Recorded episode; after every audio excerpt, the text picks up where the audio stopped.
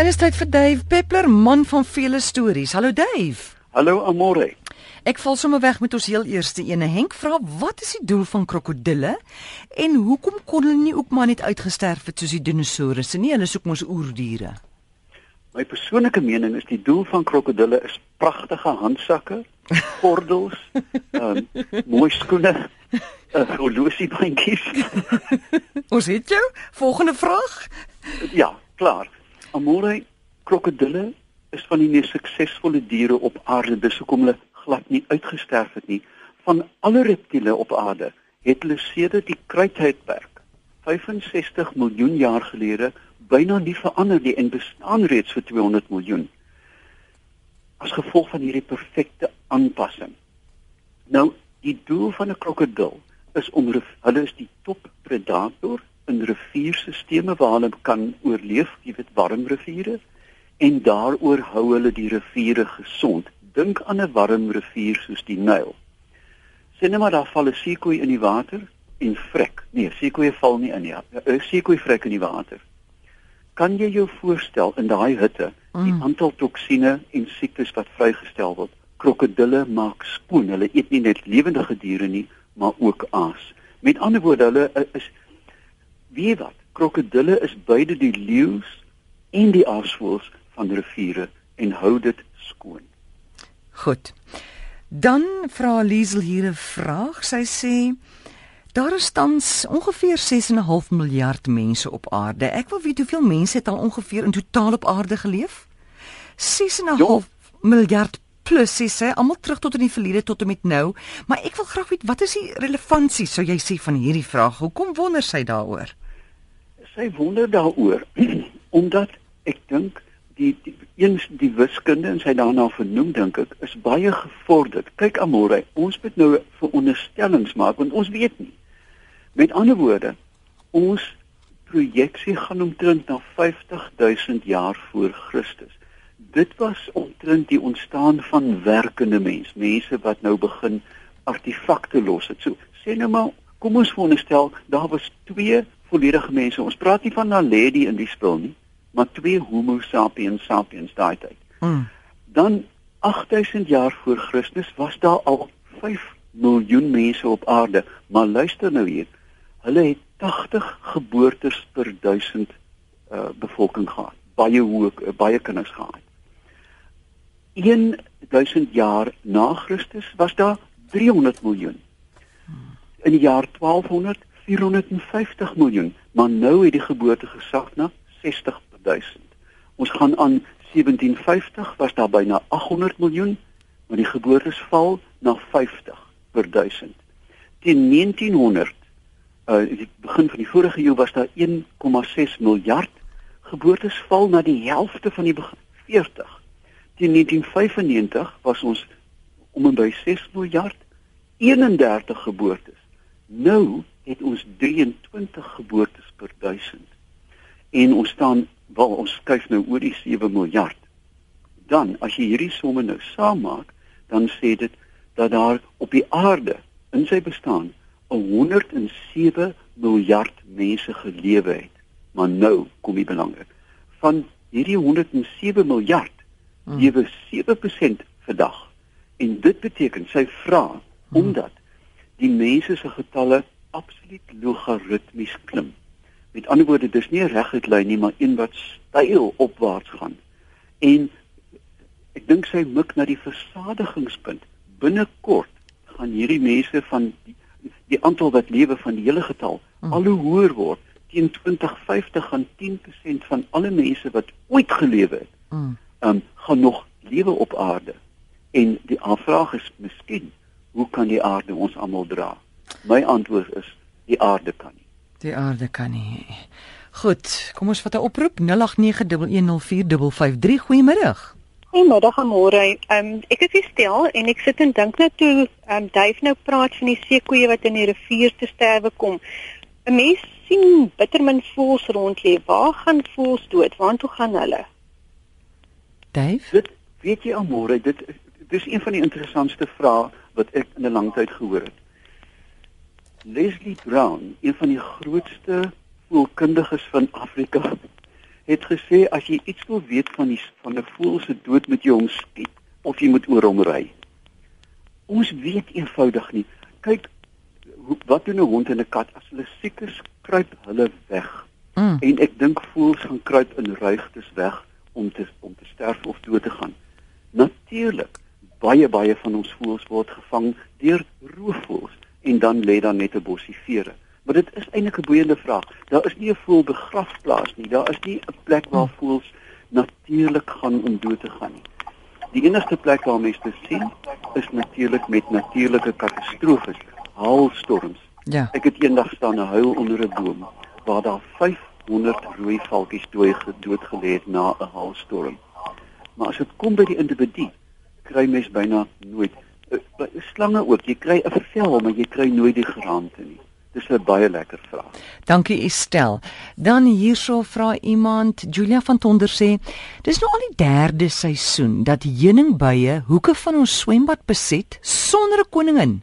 Hulle vlieg ook rond en sit op die creepy krollie se pyp. Het jy ja. raad asseblief?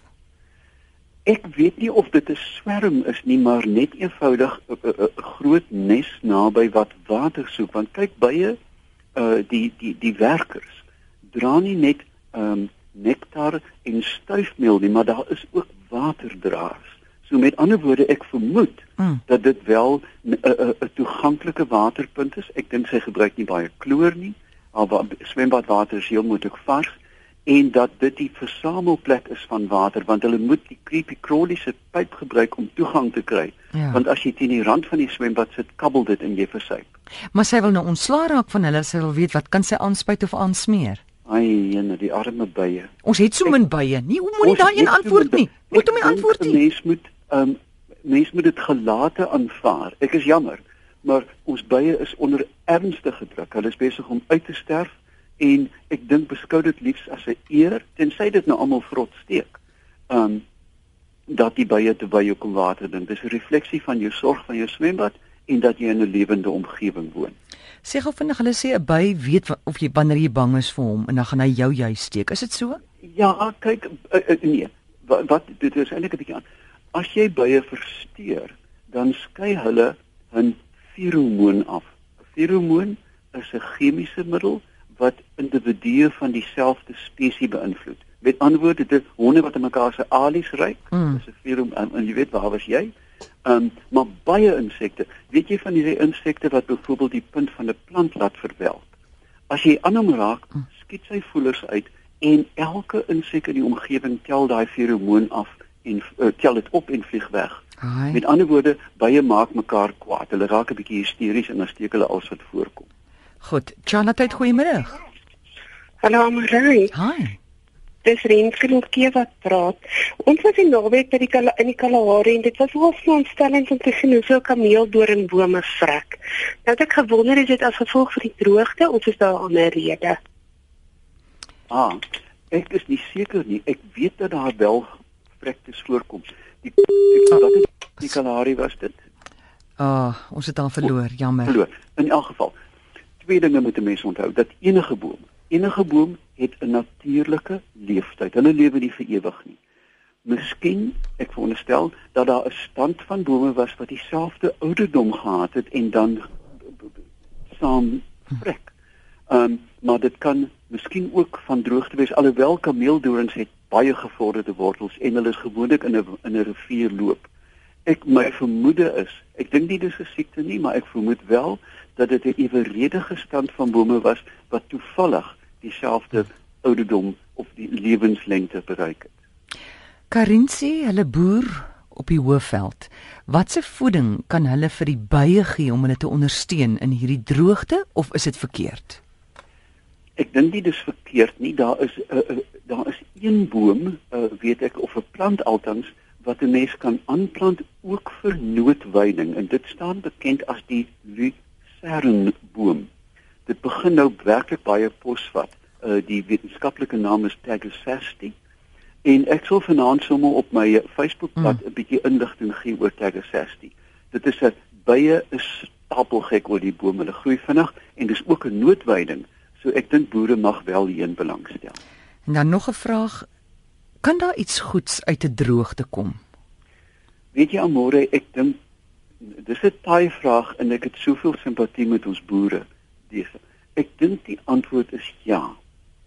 Droogtes is nie beplan nie. Daar is nie 'n groot droogte uh, warehouse uh, wat bepaal dit is 'n komplekse ding wat te doen het met El Niño veral vir jaar en El Niño effekte en daarom weet ons in die, in, ons geskiedenis van 7, 8 jaar droogtes.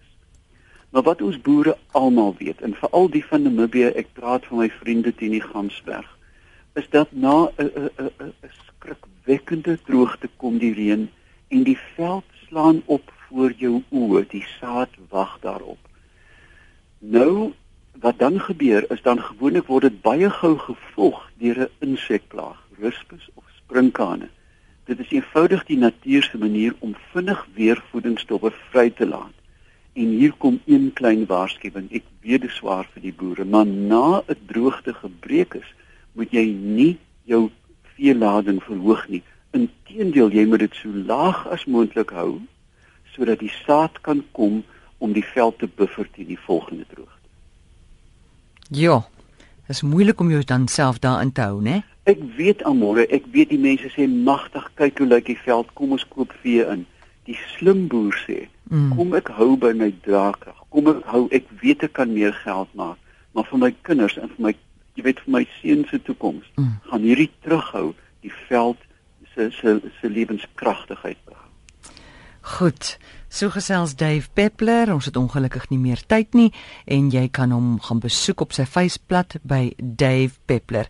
Het jy 'n reël van moed wat ons ons boere kan inpraat of sommer vir almal? Want natuurlik amore. Ek ek ek ek jy weet ek wil nou nie so 'n soort van patient strong klim nie, maar ek dink weet om om uit te om nou te sê hou uit help nie. Jy weet as iemand sê wat tandpyn wag net tot môre. Ek dink hierdie is die tyd om indringend te kyk na jou veeladings, indringend en sê wat kan my veld dra ten beste? Ten beste en hou by daai vlakke. En dan gaan dit baie beter gaan. En as die reën kom en die veld slaan op soos 'n mirakel, hou jou in. Dankie Dave, lekker aan vir jou. Goed, totsiens. Dis Dave Peppler.